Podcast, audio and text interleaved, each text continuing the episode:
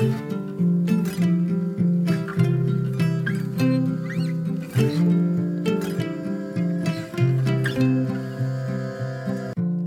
listening to the podcast for Health med Anna Sparre, a Swedish podcast, but since we sometimes have English speaking guests, we also do English episodes. This is the English version of episode 219 about vitamin D, an interview with the extremely popular but also controversial Morley Robbins. Is vitamin D supplementation just a hype?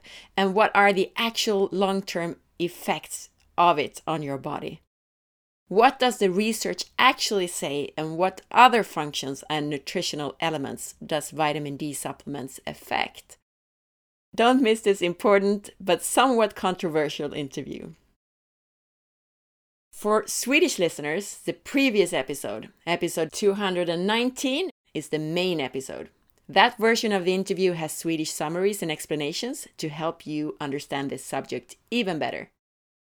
You can find more information if you go to forhealth.se or to facebook.com slash forhealth.se or go to Instagram where you'll find me as A. A S P A R R E. Please share this podcast episode on Facebook, in your Facebook groups, and to a friend if you like it. And don't forget to leave your review in iTunes. Thank you, and enjoy the show.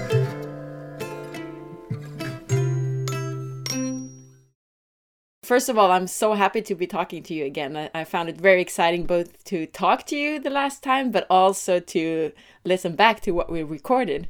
Very interesting.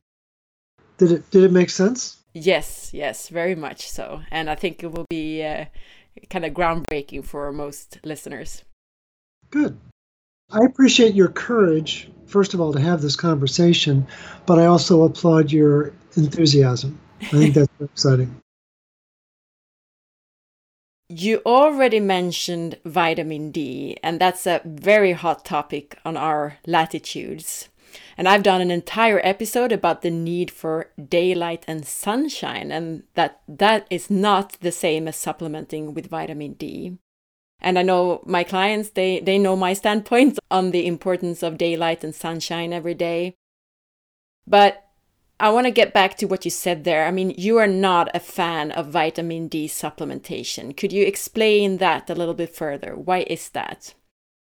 It's not that I'm not a fan. I've been openly uh, criticizing it for eight years publicly because um, I had the good fortune of meeting um, a, a, world authority on physiology. Um, And he, at the tender age of 98, he invited me into his home and, and then into his lab. He was still researching. His name was Fred Kummerow with a K, K U M M E R O W. Uh, he got his PhD at the University of Wisconsin in 1940. That was 12 years before I was born. And uh, very uh, respected scientist. Um, but he did a series of studies of using vitamin D with pigs because the physiology of the pig is very similar to the physiology of the human. And I know some of your listeners probably feel like some of their members of their family are pigs, but in more ways than one. But um, he was invited to a uh, international symposium on vitamin D supplementation back in the 70s, and there were scientists, noted scientists from around the world, and there were several Nobel laureates at the meeting. And he got up to the dais and he said, Ladies and gentlemen, you do not supplement with vitamin D. Well, he was criticized for his stance, but he had the research on his side. And I asked Dr. Kummerow, said, what was the outcome of that meeting? Now, keep in mind, he's 98 years old when I'm talking to him, full of vim and vigor. The sparkle in his eye was incredible. And he got this glint in his eye, and he said, Well, Morley, he said, I'm the only one left standing. All those other scientists are dead. So, again, that's anecdotal evidence, I understand. But I've gone on to do a lot of research about this, and we're probably not going to be able to do justice to this given the time that we have right now. And I'll be happy to, to dwell on this a little further. But but everything about vitamin D supplementation is a lie. And first, the first is the this moronic belief that people are vitamin D deficient. Well, that's a completely fabricated condition. Um, and it's based on the research of uh, Michael Holick, who's a um, researcher at uh, Boston University here in the States, um, who feels that the storage level of vitamin D needs to be between 30 and 100, which is an absurd level, as opposed to Dr. Mohammed Amer, A M E R, who's at Johns Hopkins, and I'm from Baltimore, which is where Hopkins is located. My oldest son calls me Baltimorely. and so I, I think that the, the sun rises and sets on Hopkins because it's a very prestigious institution. And Dr. Amer was very clear in his research in, in 2013 to prove that there is no clinical benefit to having storage D above 21 nanograms per milliliter. And Dr. Holick says that the, the, the reference range doesn't start till 30. Well, that's where all this deficiency is. So it, that's a scam of the highest order. And then people need to understand that what uh, another important study is by Dr. Deng, D E N G, also 2013, and it's using the NHANES database. N is in Nathan, H is in Henry, A is in Adam, N is in Nathan, E is in Echo, S is in Samuel, or Sweden, S is in Sweden, that would be more. but the NHANES database is an enormous database where you can study all cause mortality and things like that. Well, Dr. Deng, uh, who is at, I believe, Vanderbilt University, um, he has a figure one in that study, which is impeccable. And what it does is it, it shows you the physiology and the metabolic transactions all associated with vitamin D. And it's dominated by magnesium. So that what is what is low vitamin D status? It's actually a, an indication of magnesium deficiency, not vitamin D deficiency, because the enzymes don't work right unless the mineral key called magnesium is there to get to the next step. That's apparently not taught in any practitioner training, certainly not taught on the internet but it's very clearly indicated in the research. And then for the, the more robust listeners, uh, I would turn them to a, a researcher named Meg, M E G, Mangin.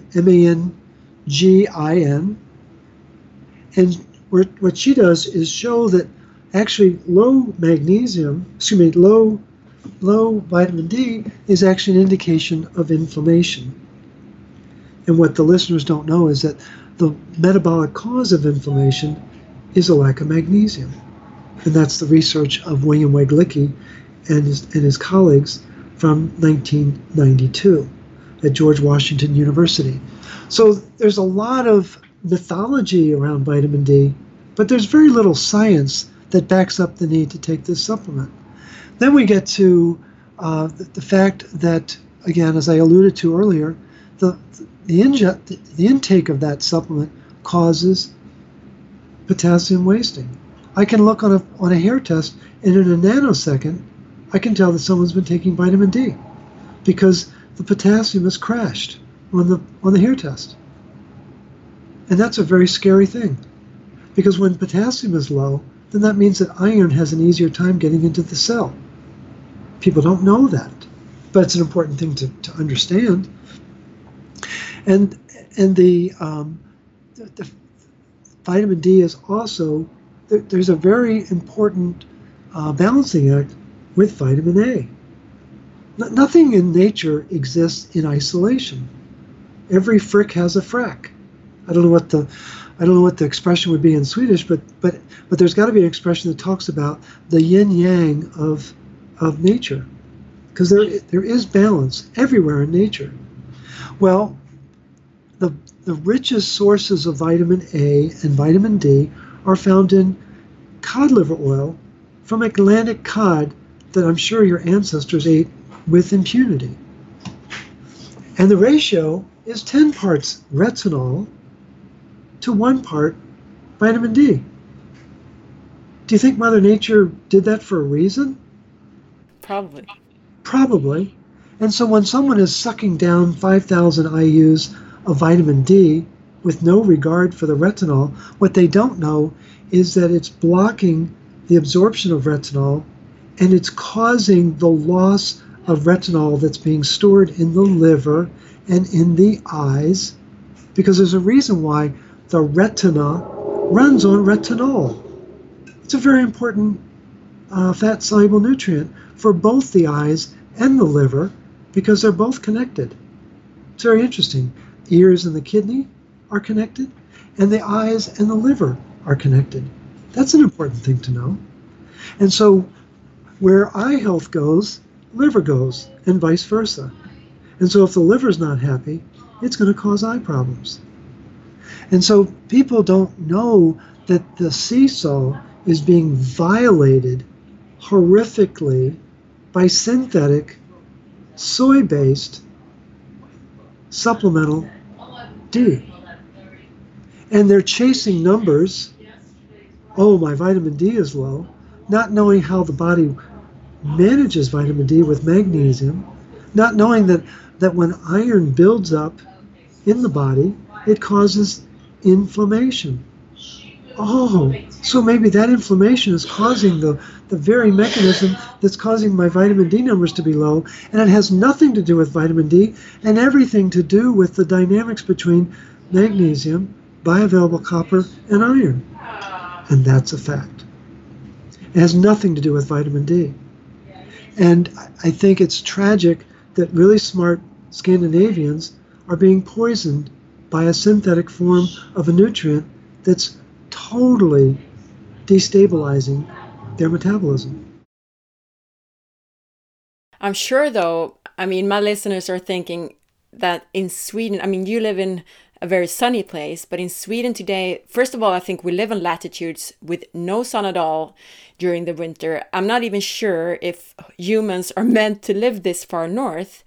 Well, and they, also, are. Wouldn't they wouldn't there wouldn't be people in Scandinavia today if they weren't meant to live there. Again, what we're missing is an understanding, an in depth understanding of the ancestral diet of Scandinavians. And people have abandoned their ancestral roots, and it's more convenient to go to the supermarket and get whatever swill they're selling than to cook the foods that their ancestors ate. Yeah. And people, it's really inconvenient it's not as easy. Oh, my, I got to do what? Oh, wow, that's a lot of work. Again, the sun is very important. I'm not I'm not a luddite, but we need to be eating food that's been kissed by the sunlight. And one of the foods that's regularly kissed by sunlight are fish, even though they're swimming in the ocean. Believe it or not. And then what are they eating? They're eating plankton, and they're eating sea vegetables, right? Mm. And people have lost sight of that. That there is sun kissed vegetation all over this planet that can help support the, the daily life of people living in Scandinavia. It's true. And I mean, what we would have eaten when there were no there weren't any vegetables or anything during winter we ate all the fatty parts of everything from fish to seals That's which, right. and eggs maybe that contain retinol. That, yeah, exactly, and also vitamin D. So yeah. Yes. You mentioned the importance of balance between vitamin D and retinol, vitamin A. But what about vitamin K? Uh, well, we know it's important. I mean, there are four soluble, fat soluble vitamins A, D, E, and K.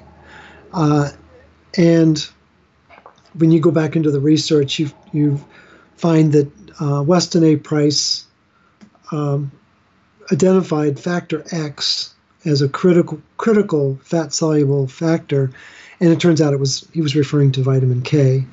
Um, I, a lot of the of the um, understanding that we have about vitamin K is based on the use of synthetic K2.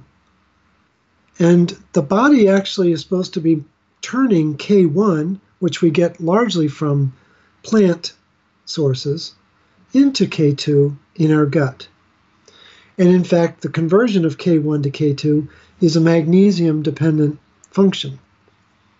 So again, you know, there's a lot of, of compelling references. Oh, you must take K2 in order to regulate the calcium that you're getting from the vitamin D. And it's like, wait a minute, why don't we just go back to magnesium? It's going to regulate the calcium and the vitamin D. Oh, and it's going to regulate K2. Oh, how about that? One mineral that rules them all. And so that's not taught in practitioner school. Again, the the downside of, of modern nutrition and I would say modern healing is this atomistic, reductionistic, let's break it down into a single factor and let's let's put the spotlight on the single factor and ignore the cofactors and ignore the interaction with how the body really works. And that's where I think the real downfall is in society is thinking along this reductionistic model, not an integrative model. Does, does that make sense? It does. And that's actually also the reason why I was asking about it because usually in foods that contain vitamin A and vitamin D, there is also a bit of vitamin K2 in the real animal form, the MK4 exactly. form. Yes. So, so such as liver from grass-fed beef, for example. And uh, you are promoting uh, cod liver oil. So, do you know is there vitamin K in cod liver oil too? You know, that's a really good question, Anna. I'm not sure about the liver or the cod liver oil. Uh, certainly, the liver. I would. It's possible it could be in there. Maybe they're not isolating it or not identifying it. But the other obvious source of K2 is in butter, butter fat, butter oil. And so I'm a huge fan of, of butter, grass fed butter. Um, I've been eating it like a carrot since I was a little kid.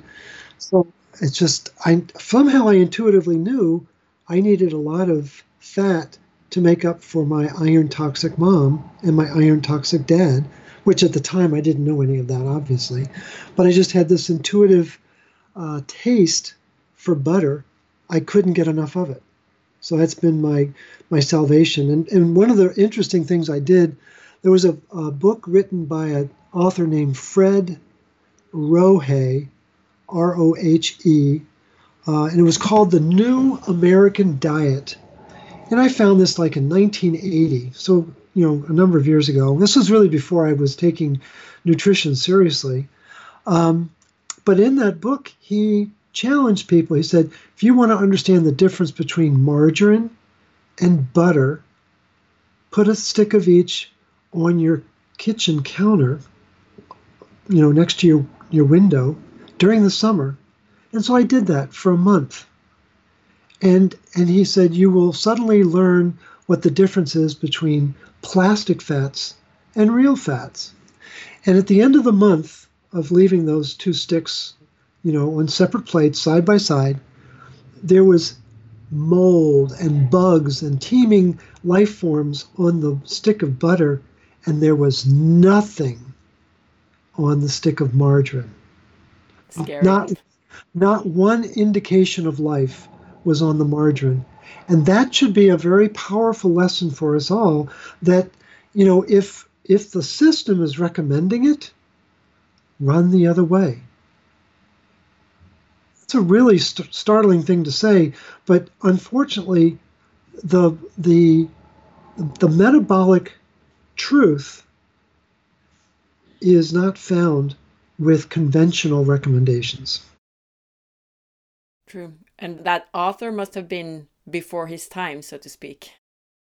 Yeah, I think he was. And, and obviously, he, he knew about Weston A. Price, and he was uh, really trying to challenge people's worldview to get off of this synthetic diet, this heart healthy diet that we were being uh, pummeled with back in the 60s and 70s. And it was a very, it was a real wake up call for me. And it began to shift my consciousness which has obviously uh, e- evolved and, and um, grown over the over the years and decades.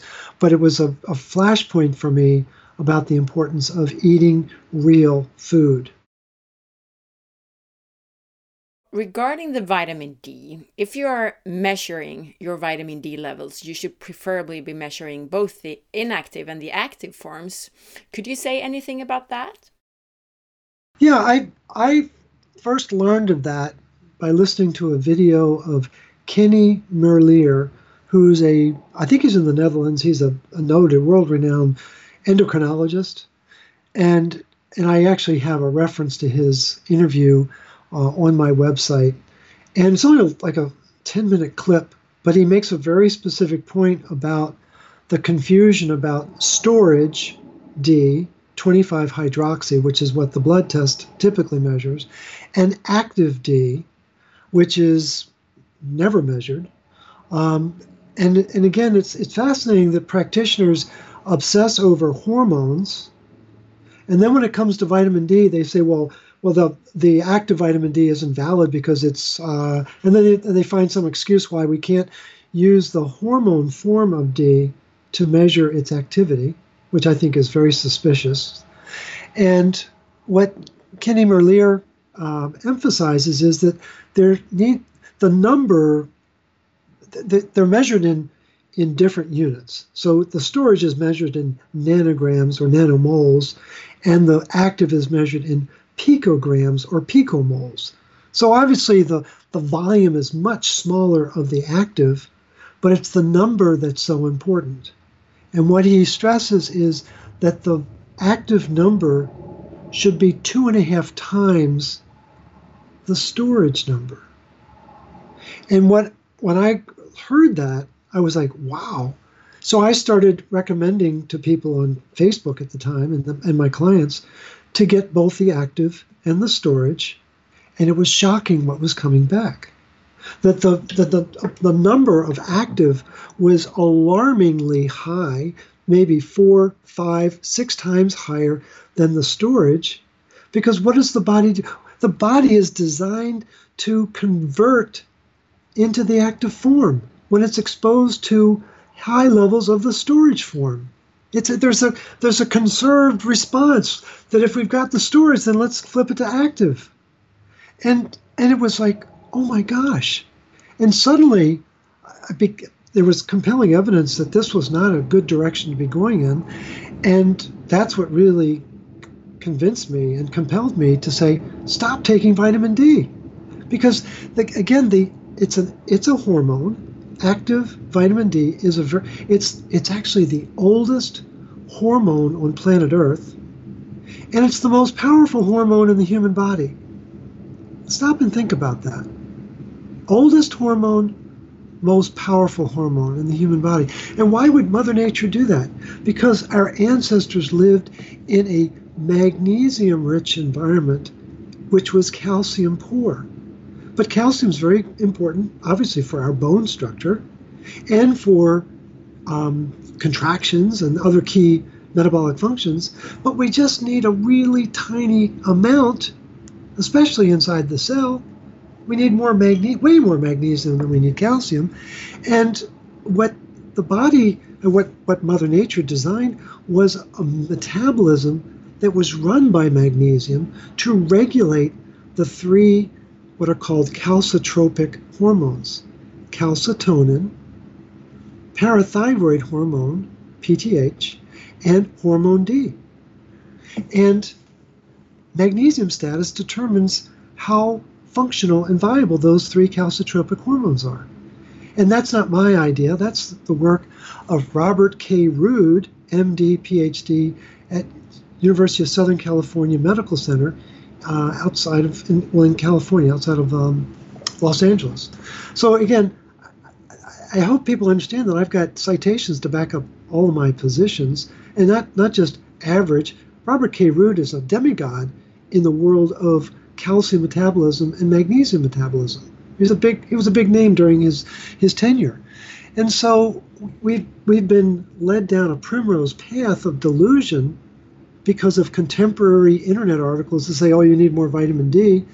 And it, there's no understanding of the, the regulation and how powerful that hormone is to dictate how much calcium is absorbed in the intestine at the expense of magnesium absorption, I might add, and that that, that calcium, when it gets into the bloodstream, is not your friend. There's a very tight regulation of the amount of calcium that's in the, the uh, plasma of the, of the blood.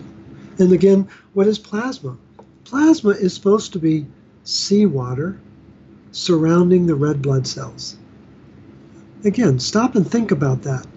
Seawater surrounding the red blood cells. And how much, what's the ratio of magnesium to calcium in seawater? It's three parts magnesium to one part calcium. Do you think Mother Nature might know a thing or two? And why would she want three parts calcium, excuse me, three parts magnesium to one part calcium? Maybe because magnesium is vastly more important than calcium. And so there's a, a study um, that was done by Andrea Rosanoff, PhD. She wrote a book with Mildred Seelig called The Magnesium Factor. Wonderful book if your listeners haven't read that. Um, I don't know if it's translated in Swedish, but it's an amazing book. But, but Andrea Rosanoff went on to do a study in 2012 looking at the amount of calcium to magnesium in the typical Western diet. And Anna, it's shocking because the average Western diet in 2012 had five parts calcium to one part magnesium. So then we contrast that with seawater, which is three parts magnesium to one part calcium. So we have a 15 fold difference in the two of the most important electrolytes in the human body. Do you think possibly that might change our physiology and our energy production and our signaling inside our cells and our signaling outside of our cells? And it's absolutely in, insane that people don't understand how important magnesium is, but they're like they're like mindless rats chasing after calcium and vitamin D and, and now synthetic K2, not knowing that actually Mother Nature knows a thing or two. And she says, let's focus on Maggie and everything is going to be okay. To clarify what you just said there is that we were probably evolved in an environment with much less calcium and then we needed the vitamin D to be so strong to regulate that to get that into our bodies into our skeleton so it's very strong and compared to how we live today when calcium is so much more abundant it's a yes. big difference yes.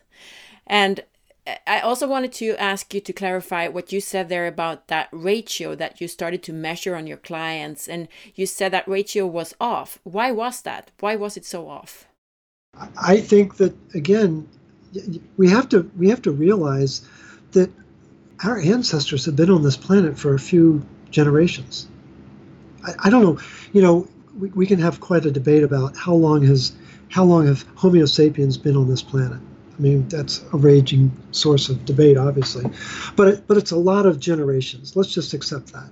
Thousands of generations, thousands and thousands of generations, and so the body has what's called a conserved response to its environment. And again, we have mechanisms to g- grab calcium and hoard it when we get it. Because because our ancestors ancestors ancestors didn't have a lot of it. And so when it was exposed to it it knew hey this is important. I'm going to i'm going to grab it and store it and put it in the bone bank which is what our skeleton is. Right? Uh, it's a, it's actually a mineral bank that's what that's what the bones are. They're a mineral bank, and so they're supposed to be an ATM. That's really the way the way it works. And when you have a lot of fat in your diet, you can actually tap into that ATM. Not so much if you don't have fat in your diet. That's another topic, though.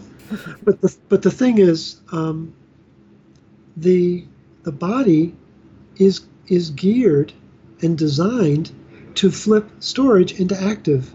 Why? Because that's the way it works. It's it's fundamental human physiology. And again, if the readers don't understand that, they should go to sources like um, Mildred Seelig or uh, Robert K. Rude or Guy Abraham, MD. He was a world renowned obstetrician and gynecologist who studied um, minerals, but especially magnesium. And he found that when he changed his patient's diet, Guy Abraham at UCLA Medical Center here in the States, when he when he changed the standard ratio of two parts calcium to one part magnesium, and he flipped it to one part calcium to two parts magnesium in their diet, the most amazing thing happened. Most of their symptoms that were bringing him, bringing these patients to his office, melted away. They no longer existed. And what's important for the listeners to understand is that that there's a lot of of um, hysteria in the marketplace about estrogen dominance, and I would argue that that's estrogen builds in a body that has low bioavailable copper. But but what's also important to understand is that if you're estrogen dominant, you're going to be progesterone deficient. Well, what are the what are the minerals or nutrients that are really critical for making progesterone? Turns out you need a lot of magnesium and you need B6. Oh, wow. And so what happens to B6 in an iron toxic body? And what happens to magnesium in an iron toxic body? There are three things that happen. Estrogen rises, magnesium and B6 disappear, and progesterone production collapses. And what Dr. Uh, Abraham discovered unwittingly was that the very mechanisms of that insanity can be corrected with the diet by focusing on more magnesium than calcium. It's a very powerful uh, set of conclusions that he that he drew, and he actually went on to coin four different forms of of um, PMS, ABCD, anxiety, excuse me, anxiety, bloating, craving, and depression. Those were four classic behavioral signs of PMS. And what he discovered when he changed their diet to two parts magnesium and one part calcium, all four of those symptoms disappeared. Very important set of conclusions. Amazing. Yes. Well, it's it's, it's actually it, you know what it is and it isn't, because our ancestors knew this intuitively. But but in the modern era, we think we know so much, right? And we've got it all wrong, unfortunately. I think. I think we've got it all backwards. Is exactly what I think is going on. And I think the listeners can relate to that because most of, of the listeners have actually understood that, as you said, a diet rich in fat is actually what's gonna make them healthy. Mm-hmm. So I think they can also accept that the the public and the government has been wrong also when it comes to magnesium and calcium. Yeah, yeah. I mean, I think one of the one of the one of the most fascinating studies was done by Heikki Karppanen. I think he's from Finland, which is na- next door neighbor, right? Yeah. and um, it's one of the most amazing studies. It was a 26 year study of heart disease, and and all Heikki Karppanen did was was change the form of salt to more, you know, magnesium, and the most amazing thing happened: heart disease in Finland collapsed just by changing the salt. Heikki Karppanen, K A R P E. K A R P A N N E N, I believe is his name. And again, if you get a if you get a like a three or four percent change in heart disease, that's a big deal. This was like this is like a seventy percent collapse, and nobody knows about that study.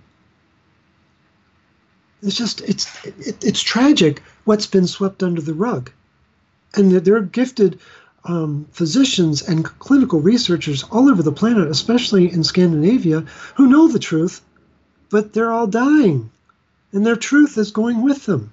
That's the tragedy. I think I know who you refer to there, the chronic fatigue expert from the Netherlands, or if he's from Belgium. And because I, I think I've seen that video clip. Yeah. But just to understand, do you think that your patient's ratio between the inactive and active forms that it was so off because of their diet that it was too rich in calcium or was it because they had vitamin D supplements or do you Everyone that's a great question, Anna. I can assure you that the overwhelming majority of people who first sought me out and continue to seek me out were drowning in vitamin D supplements because their doctor told them that they had low vitamin D and they were managing to a number, not to physiology, not to, not to the nature of how their body works. Managing to a number, not to nature. And that's the tragedy of our time is that we've been reduced to numbers and we don't understand how physiology works.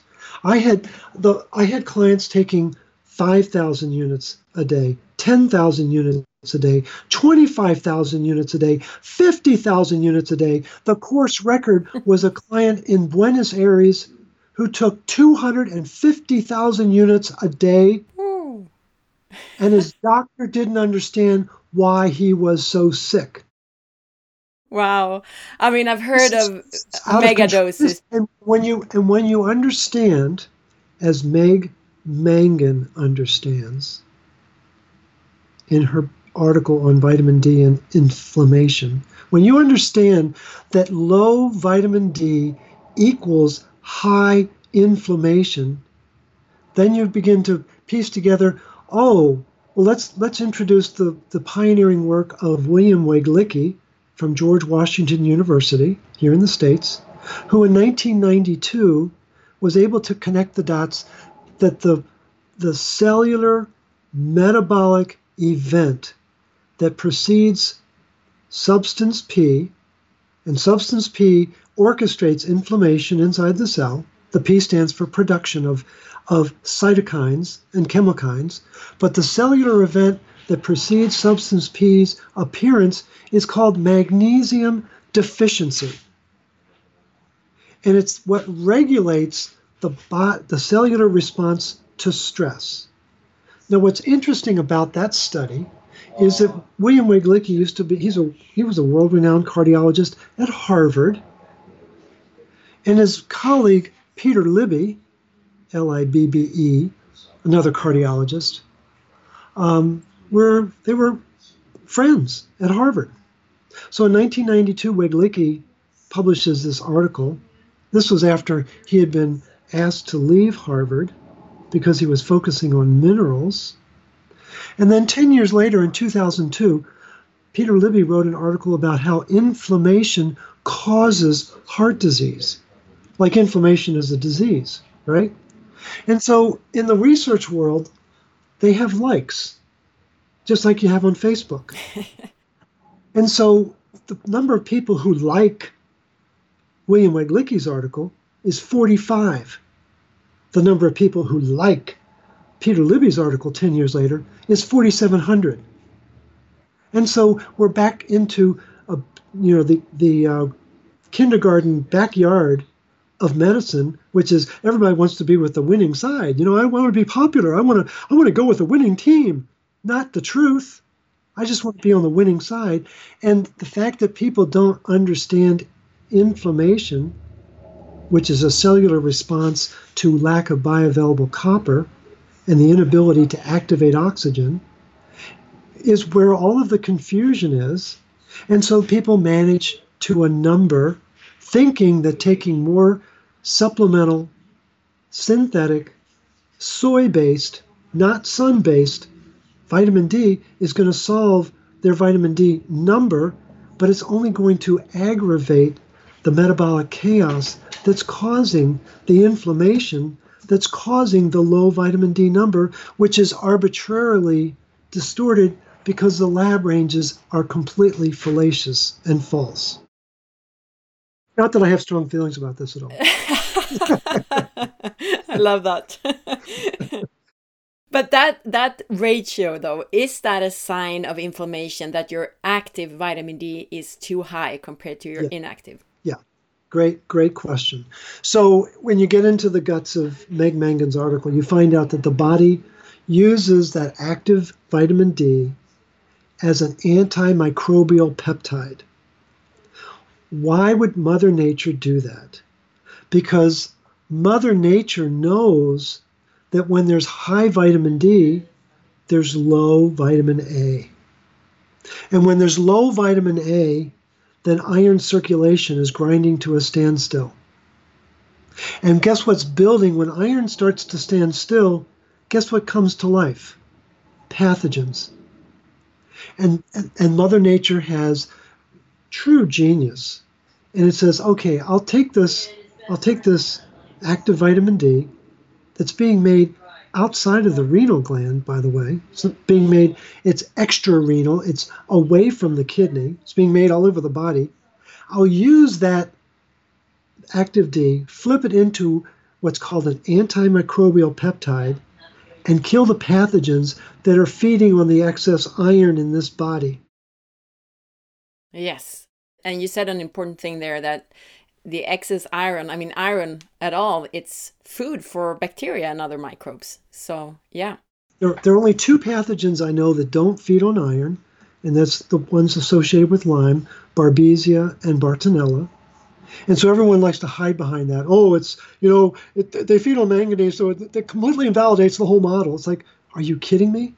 When I met with, over the phone, it was a Skype call with Douglas Kell, who's a world-renowned iron biologist at the University of Massachusetts, excuse me, University of Manchester in England. He he said, Morley, I want to make sure you understand that you're spot on about how all pathogens feed on iron. And every iron biologist on this planet knows that truth. It's just not taught in medical school or any practitioner school. Why? Because it kills the business model. No, I know a lot of practitioners that, that successfully use iron blockers or something like that to treat uh, gut symptoms, for example, like H. pylori. That's one example. Yeah. yeah. Absolutely. And again, back in the back in the 1940s, um, they were treating H. pylori here in the states with a fascinating approach. They were using ascorbic acid and copper. Why? Because it was allowing the stomach cells to recirculate the iron that was stuck in the stomach that was feeding the H. pylori. People, people just don't understand how important iron circulation is to our vitality and our well being. And we will get back to the iron because that's a oh, very oh, yeah. important subject. You've told us a lot about magnesium, but just to summarize, what's the relation between magnesium and vitamin D? Well, the um, the chart that I sent you this morning, which is Figure One from um, Deng's article from from 2013, profiles the totality of the vitamin D metabolism. And I think there are about a dozen different places where magnesium is activating the enzymes to get to the next step. And so that is not well known and certainly not well understood. But the, again, the, the calcitropic hormones, which are the hormones that regulate calcium status in the human body, are magnesium dependent. That it's that it's that straightforward. It, it, it, it's the it's the catalytic key, just like the key we use to drive our car. The calcitropic hormone cars got to have a magnesium key in order to make them work. And, and in order to keep them in proper balance and in proper homeostasis. That's where the that's where the the, the misunderstanding is is it's not about high and low, which I think are two of the most offensive words in nutrition and medicine on the planet. It's all about metabolic balance and homeostasis. That's a bell-shaped curve. And and the last time I checked, we, we're no longer in grade school. We don't need to be using rulers to measure high and low. We need to be using calculators to measure metabolic balance, which has multiple variables. And, and your listeners are smart enough to know that, and maybe they can teach that to their doctors. Yeah, and I will also publish that picture that you sent me that you referred to just now for the listeners to have a look at. Okay, that's good. What's there, obviously, the figure connects the dots between magnesium and vitamin D metabolism, which people have got to learn to get past the numbers and learn what are the metabolic pathways. And the other is there's three key references that I might have alluded to in our earlier conversation, being Deng, which is the source of that figure, um, the second being um, um, Mohammed Amer at Hopkins, and the third being the uh, research by um, Meg Mangin, which just blows the whole vitamin D thing out of the water because low vitamin D equals high inflammation, and you you're never you're never going to correct inflammation by taking a vitamin D supplement. It's absolute insanity. Thank you so much for today, Morley. I'm already looking forward to our next conversation. Well, wonderful. I'm glad we had a chance to chat, and I'm really excited to to learn how your listeners respond to this kind of this countercultural and counterintuitive approach to uh, getting healthy and staying healthy. It'll be it'll be interesting to see what the response is. The picture discussed was published yesterday on forhealth.se. You can search that site for D vitamin and magnesium and you'll find it. Don't miss my next episode with Morley when we will dig deeper into the topics of copper, iron, and other minerals. Stay tuned.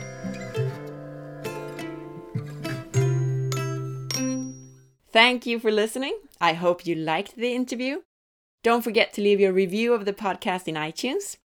Also, go to facebook.com slash forhealth.se to share the episode information with your friends or in your Facebook group. I hope that you're interested enough to check out our other English episodes. Most version B episodes are English. There are several episodes on cellular health and anti aging with Dr. Marcus Gitterle, episodes 216b about carnosine, 209b about cellular debris, 202b about mitochondria, and 183b about reversing aging. We also have episode 196b with Les Lipski about autoimmunity in the gut, episode 192b about IBS and SIBO, episodes 172b and 173b are with functional medicine profile Umaru Cadogan about food and supplements as medicine, as well as about genetics and methylation. There is episode 159b with Dr. Carrie Jones about hormones, 155b with Diana Noland about functional medicine, 135b with Dr. Michael Ash about the microbiome, 93b with Stephanie Keto Person, and there's episode 65b about sleep, dark, light, and light therapy with Dr. Craig Hudson. Also, don't miss the other interviews with Morley Robbins. There will be four in total. Check it out and have a nice day. Bye!